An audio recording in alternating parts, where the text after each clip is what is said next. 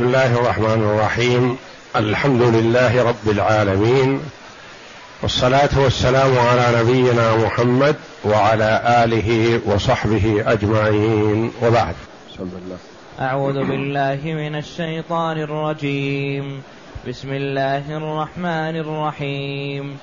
ولا تأكلوا أموالكم بينكم بالباطل وتدلوا بها إلى الحكام لتأكلوا فريقا من أموال الناس بالإثم وأنتم تعلمون.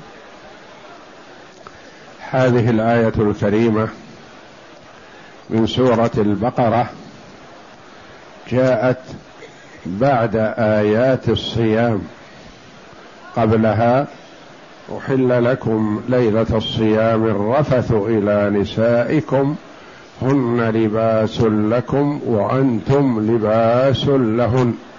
الآية وقال هنا جل وعلا ولا تأكلوا أموالكم بينكم بالباطل وتدلوا بها إلى الحكام لتأكلوا لتأكلوا فريقا من أموال الناس بالإثم وأنتم تعلمون. فالله جل وعلا تعبد عباده بالصلاة والزكاة والصيام والحج وتعبدهم كذلك باكتساب الأموال وإنفاقها. لن تزول قدم عبد يوم القيامة حتى يسأل عن أربع. ومن ذلك ماله من أين اكتسبه وفيما أنفقه. فلا يقول الإنسان أنا حر في الاكتساب. حر في الاكتساب مما أباح الله. أما ما حرم الله جل وعلا فلست بحر بل أنت عبد عبد لله جل وعلا. فكما أن العبد لا يسوغ له أن يزيد في العبادات غير ما شرعه الله جل وعلا فلا يجوز له أن يكتسب المال من طريق حرمه الله تعالى حتى ولو كان عن تراض من الطرفين.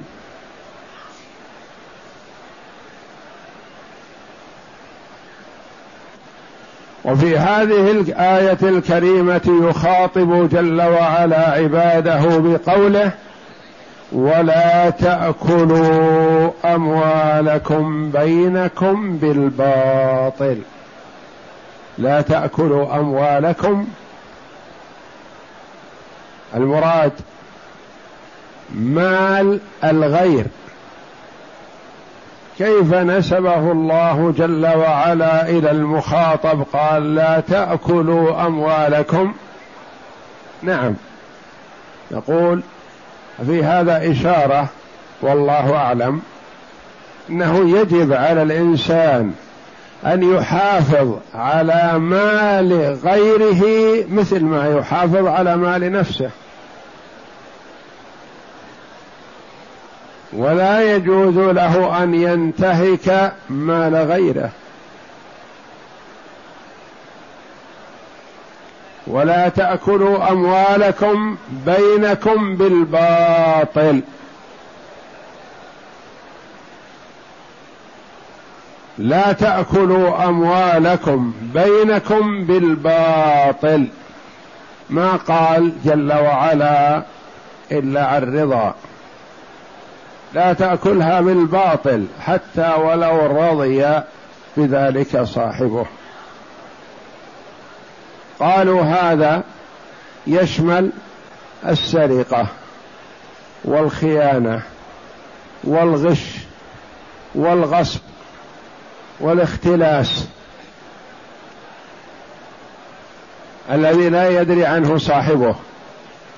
كما يشمل البيوع الربوية ويشمل القمار ويشمل مهر البغي وحلوان الكاهن.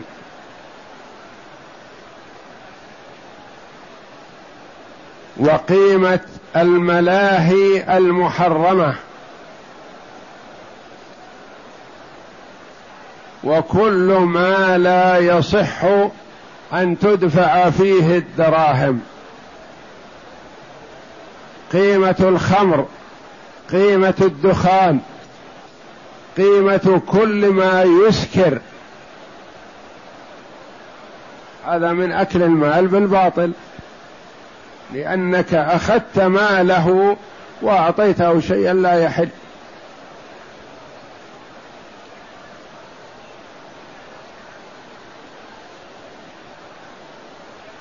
ولا تأكلوا أموالكم بينكم بالباطل. قالوا بالباطل نوعان. باطل لم يرضى به صاحبه. وباطل رضي به صاحبه. ما دام باطل فلا يحل. أكل المال رشوة.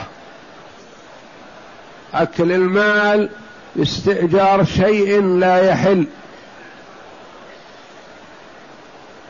أكل مال من الزكاة ولست من أهلها.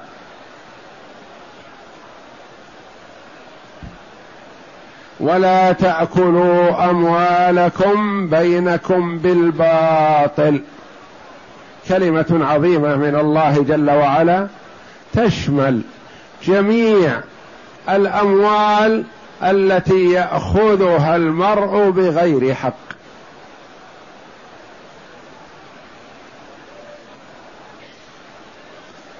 دفع المال مقابل حكم باطل. رشوة. دفع المال من أجل شهادة زور. دفع المال لأجل الإعانة على شيء محرم. كل هذا من أكل أموال الناس بالباطل. ولا تأكلوا أموالكم بينكم بالباطل. وتدلوا بها إلى الحكام. تدلوا. الادلاء إرسال. الشيء مثل ما يقال أدلى دلوة. لأجل أن يأخذ ماء. أرسل دلوه في البئر من أجل أن يأخذ مال. تدلي بها يعني بهذا المال تدلي به تعطيه الحاكم ليحكم لك بغير الحق. هذا نوع.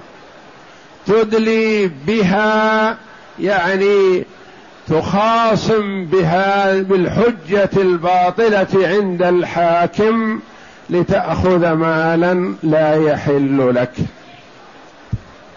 وتدلو بها إلى الحكام.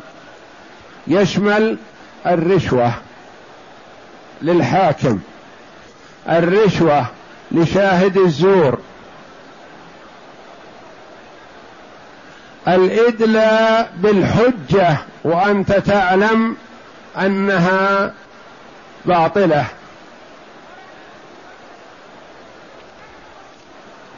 الوكيل يتوكل عن صاحبه ليأخذ له ما ليس له ويعلم أنه ليس له لكن عنده قوة حجة وبيان يستطيع أن يقتطع مال المرء المسلم. بحجته. هذا باطل. النبي صلى الله عليه وسلم ينزل عليه الوحي من السماء ويطلعه الله جل وعلا على ما لم يطلع عليه أحدا من خلقه. لكنه عليه الصلاة والسلام مع هذا لا يعلم الغيب إلا ما أطلعه الله جل وعلا. فالغيب مما استأثر الله جل وعلا بعلمه. لذا يقول صلى الله عليه وسلم إنكم تختصمون إلي.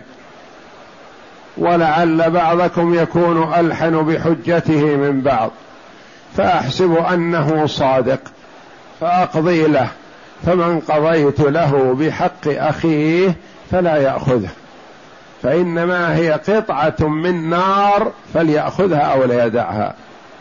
هذا وهو النبي صلى الله عليه وسلم وهو الذي يأتيه الوحي من السماء.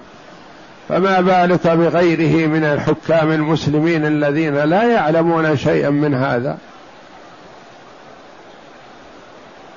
والحاكم مأجور إذا اجتهد وبذل جهده وحكم بما على ضوء ما سمع.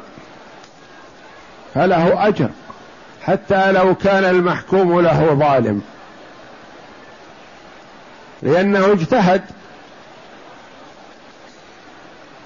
والظالم ظالم وإن حكم له الحاكم. وإن قال هذا لك.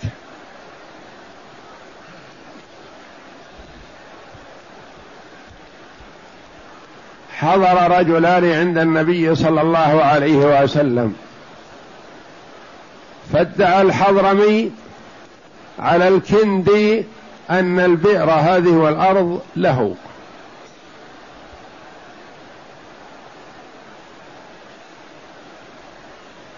فقال الكندي هي أرضي وبيدي.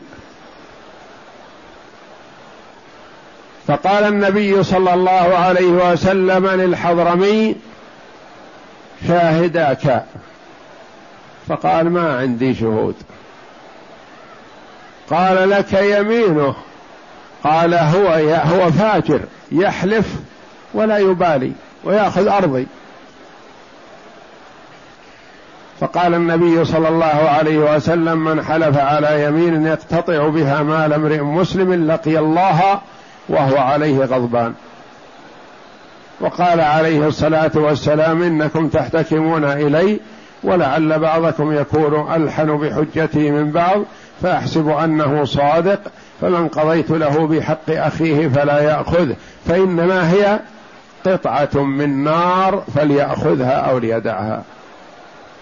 وحكم الحاكم لا يغير الحقيقة وإنما هو يفض النزاع ينهي القضية بين الخصمين وإلا فلا يحل حراما ولا يحرم حلالا.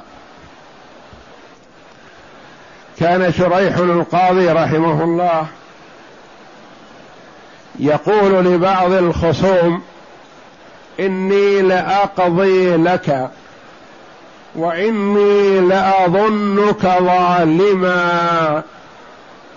ولكن لا يسعني إلا أن أقضي بما يحضرني من البينة. وإن قضائي لا يحل لك حراما. يعظ رحمه الله الخصم.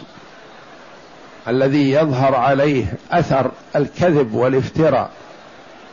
لكنه رحمه الله يقول ما لي إلا الظاهر.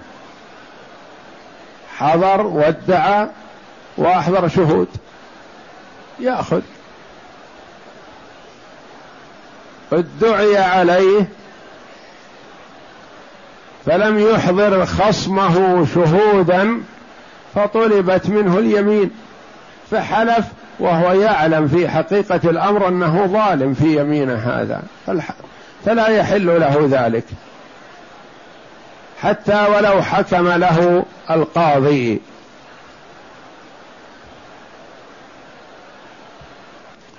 وحكم الحاكم لا يحل الحرام ولا يحرم الحلال. وإنما كما تقدم لفض النزاع. وانهاء الخصومه وإراحة الطرفين والحكم العدل المطلع على حقائق الأمور هو الله جل وعلا. الخصومة عنده يوم القيامة. حتى إنه لا يقتص للشاة الجمة من ذات القرن. ولا تأكلوا أموالكم بينكم بالباطل وتدلوا بها إلى الحكام لتأكلوا فريقا من أموال الناس. فريق بمعنى بعض. يعني تأخذ ما ليس لك. سواء بشهود أحضرتهم شهود زور أو بيمين فاجره تحلفها أنت وأنت تعلم أنك كاذب. كل هذا يتصور يتصور الظلم من المدعي بأن يحضر شهود زور فيأخذ ما ادعى به وليس له. ويتصور الظلم من المدعى عليه يكون المدعي ادعى عليه بحق لكن ليس عند المدعي بينة. كثيرا ما يحصل هذا يثق الإنسان بصاحبه فيعطيه ما يعطيه ثم إذا طالبه به بعد هذا أنكر. فيتخاصمان إلى الحاكم فيقول الحاكم للمدعي ألك بينة؟ فيقول لا ما عندي بينة أنا وثقت به وأعطيته ما أعطيته أو اتفقت معه على كذا أو نحو ذلك. فيقول الحاكم القاضي للمدعي لك يمينه. فيقول يحلف ولا يبالي هذا فاجر. فيقال له ليس لك إلا ذلك. حتى ولو كان غير مسلم ما في إلا اليمين. ما يعطى الناس بدعواهم. يعني مجرد ما تدعي ما تعطى بدعواك إلا ببينة أو يطلب من المدعى عليه اليمين فإن نكل عن اليمين أخذت. وإن حلف فحسابه على الله. ويستحب للقاضي حينئذ أن يعظ الخصمين كما وعظهما النبي صلى الله عليه وسلم. يعظهما ويبين أن حكمه لا يحل الحرام. فيدعي شخص على آخر بألف ريال مثلا أقرضه إياه. فينكر المقترض لأنه يعرف أن ما عنده أحد. فيقول القاضي للمقرض هل عندك بينة تشهد أو إقرار أو كتابة أو نحو ذلك؟ يقول لا ما عندي شيء. فيقول القاضي للمدعي لك يمينه. وانتبه أيها المدعى عليه احذر اليمين فإنها اليمين الغموس التي تغمس صاحبها في النار تغمس صاحبها في الإثم. فقد يحلف وهو فاجر. كاذب في يمينه فينال عقوبة الدنيا مع عقوبة الآخرة والعياذ بالله. وكثيرا ما يعجل الله عقوبة الحالف. يمين كاذبة يعجل عقوبته في الدنيا ليتعظ الناس لأن في هذا استخفاف بعلم الله جل وعلا المطلع على السر وأخفى. فكثيرا ما يحلف الحلف يمين كاذبة فيسقط في المحكمة عند القاضي. لأن الله جل وعلا يغار إذا استخف به. وتدلوا بها إلى الحكام يعني قال المفسرون رحمهم الله الإدلاء بهذه الأموال إلى الحكام قد يكون على سبيل الرشوة للحاكم ليحكم بالباطل أو على سبيل الرشوة للشهود لأنهم يحضرون عند الحاكم أو أن المرء يدلي بحجته عند الحاكم وهي حجة باطلة. أو يجيب إذا كان مدعا عليه جوابا باطلا لكنه يخلصه فيتخلص في الدنيا. وتدلوا بها إلى الحكام لتأكلوا فريقا من أموال الناس بالإثم. كرر جل وعلا ذكر الأكل مرتين للتشنيع عليه. وأن الغالب أن الإنسان حينما يحلف أو يتكلم بالباطل أو يأخذ شيء بالباطل كله شرعا في الأكل ليأكل. وقال بعض المفسرين رحمهم الله المناسبة في كون هذه الآية جاءت بعد آيات الصيام أن الصائم مأمور بالامتناع عما أحل الله له نهار الصيام. فحذر جل وعلا من أن يأكل المرء ما لا يحل له ليلا أو نهارا. لتأكلوا فريقا يعني فرقة أو قسم أو جزء من أموال الناس بالإثم. الأكل الأول نهي عنه بالباطل والأكل الثاني نهي عنه لا يكون إثما. والمرء يعلم هو يعاقب ويواخذ على ما يعلم أنه إثم. أما إذا كان لا يعلم فلا إثم عليه. والقاضي يحرم عليه أن يحكم بالباطل. فإذا حكم بحسب الأصول الشرعية فله أجر إن لم يصب الحق وإن أصاب الحق فله أجران. إذا حكم على حسب الأصول الشرعية فأصاب الحق فله أجران. وإذا حكم بحسب الأصول الشرعية وإن لم يصب الحق فلا إثم عليه وله أجر. لأنه اجتهد مثل ما تقدم لنا قول شريح القاضي رحمه الله. وإني لأظنك ظالم. أظن ما هو يقين. ما عنده يقين. فيحذره أن حكمي لك لا يحل لك هذا الحرام. لتأكلوا فريقا من أموال الناس بالإثم يعني بغير حق. وأنتم تعلمون الحذر كل الحذر من كون الإنسان يقدم على أخذ الشيء وهو يعلم أنه ليس له. أما إذا كان لا يعلم ذلك يظنه له فلا بأس عليه ولا إثم عليه.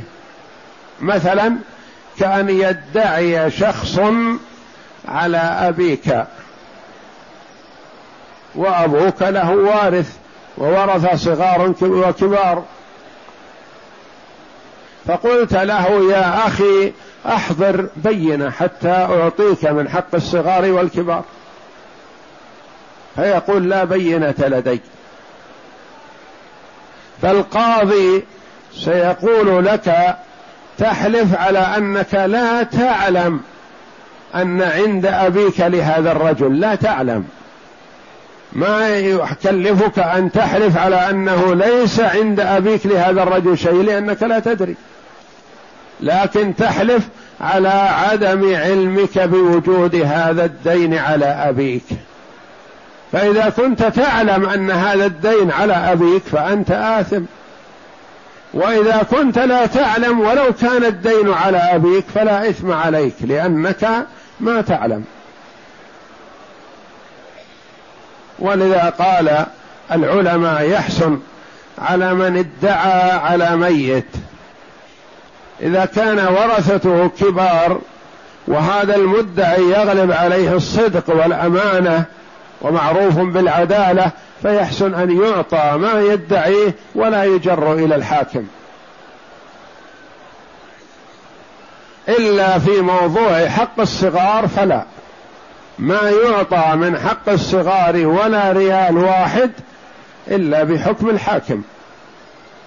وإن تحمله الكبار من مالهم ومما يخصهم دون الصغار وأعطوه ما يدعي به فهذا حسن. وفيه براءة لذمة أبيهم ويعتبر من البر به. خاصة إذا كان ليس لدى هذا المدعي ما يثبت حقه ويظنون ثبوته. أما إذا كان الرجل المدعي معروف بعدم العدالة وأنه قد يدعي ما ليس له أو يحسن الظن بهؤلاء الورثه أنهم يعطونه ما يطلب فلا يلزمهم أن يعطوه شيئا إلا بحكم الحاكم. وفي هذه الآية دلالة على أنه يجب الاهتمام بالمال. كسبا وانفاقا. وأن المرء محاسب عليه بكسبه ومحاسب عليه بإنفاقه. إن كسبه من حقه وأنفقه في حقه أجر. وإن اكتسبه من غير حقه حرم عليه. وإن أنفقه بغير حقه حرم عليه حتى لو كان رضا. مثل المتراضين في الربا أو المتراضين في قيمة الخمر أو متراضين في قيمة الدخان أو غير ذلك من الخبائث المحرمة التي لا تحل للمسلم حتى لو حصل التراضي. لو أعطاها مبلغا من المال ليزني بها على سبيل الرضا. فهو حرام عليه دفعه وحرام عليها أخذه وحرام عليهما فعل ما حرم الله. فليس كل رضا مباح وإنما هناك رضا يتعلق بالشخص فقط. هذا لا بأس. يعني اشتريت ما قيمته عشرة بخمسة عشر عن رضا وقناعة لا حرج عليك لأنك تحب أن تنفع أخاك المسلم. أو رحمت هذا البائع لكونه لكونه مسكين أو فقير أو صغير أو محتاج فزدت له بالقيمة هذا حسن. ونوع ما تصح الزيادة فيه والإعطاء حتى لو كان عن تراضي لأنه محرم لحق الله جل وعلا. كالربا وقيمة الخمر وقيمة الدخان وكل ما حرمه الله جل وعلا من مهر بغي وحلوان كاهن وغير ذلك حتى لو كان عن سبيل الرضا. يأتي للساحر أو الكاهن أو الخرافي ويقول شف لي ما مالي في علم الغيب شف لي عن فلان هذا المريض هل يصح من مرضه أو يموت فيه ويعطيه مبلغ على هذا. هذا من الحرام. حتى لو حصل التراضي بين الطرفين. لتأكلوا فريقا من أموال الناس بالإثم وأنتم تعلمون. اقرأ. قال ابن عباس رضي الله عنه هذا في الرجل يكون عليه مال وليس عليه فيه بينة فيجحد المال ويخاصم إلى الحكام وهو يعرف أن الحق عليه وهو يعلم أنه آثم آكل للحرام. لكنه يخاصم لأنه واثق أن صاحبه لا بينة لديه وأنه إذا توجهت عليه اليمين مستعد أن يحلف. فيقول اشتك اذهب إلى القاضي اذهب إلى الحاكم. ونحو ذلك لأنه واثق أن صاحبه لا يستطيع البينة وهو عازم على أنه إذا توجهت عليه اليمين سيحلف ولا يبالي والعياذ بالله. فتوعدهم الله جل وعلا بهذا وأن الله مطلع لا تخفى عليه خافية. وكذا روي عن مجاهد وعكرمة وقتادة رحمهم الله أنهم قالوا لا تخاصم وأنت تعلم أنك ظالم. قالوا مثل هذا الوكيل. مثلا إذا وكلك شخص بالخصومة عنه وأنت تعرف أنه مبطل وإن استطعت أن تأخذ له الحق بخصومتك فيحرم عليك ذلك. ويحرم عليك أن تأخذ مقابل وكالتك شيئا من المال. ويحرم عليك أن توكله الحرام. حتى لو لم يكن له. وأمكنه أن يأتي بالحجج الظالمة ليأخذ الحق له وهو يعلم أنه مبطل. نعم. وقد ورد في الصحيحين عن أم سلمة رضي الله عنها أن رسول الله صلى الله عليه وسلم قال ألا إنما أنا بشر وإنما يأتيني الخصم فلعل بعضكم أن يكون ألحن بحجته من بعض فأقضي له. فمن قضيت له بحق مسلم فإنما هي قطعة من نار فليحملها أو ليذرها. يعني حرام عليه وقطعة من نار كما قال الله جل وعلا إن الذين يأكلون أموال اليتامى ظلما إنما يأكلون في نارا وسيصلون سعيرا. فالمال إذا أخذه المسلم بغير حق فإنه يشتعل عليه نارا يوم القيامة. فدلت هذه الآية الكريمة وهذا الحديث على أن حكم الحاكم لا يغير الشيء في نفس الأمر فلا يحل في نفس الأمر حراما وهو حرام ولا يحرم حلالا وهو حلال. وإنما هو ملزم في الظاهر فإن طابق في نفس الأمر فذاك وإلا فللحاكم أجره وعلى المحتال وزره. ولهذا قال تعالى وتدلوا بها إلى الحكام لتأكلوا فريقا من أموال الناس بالإثم وأنتم تعلمون أي تعلمون بطلان ما تدعونه وترجونه في كلامكم.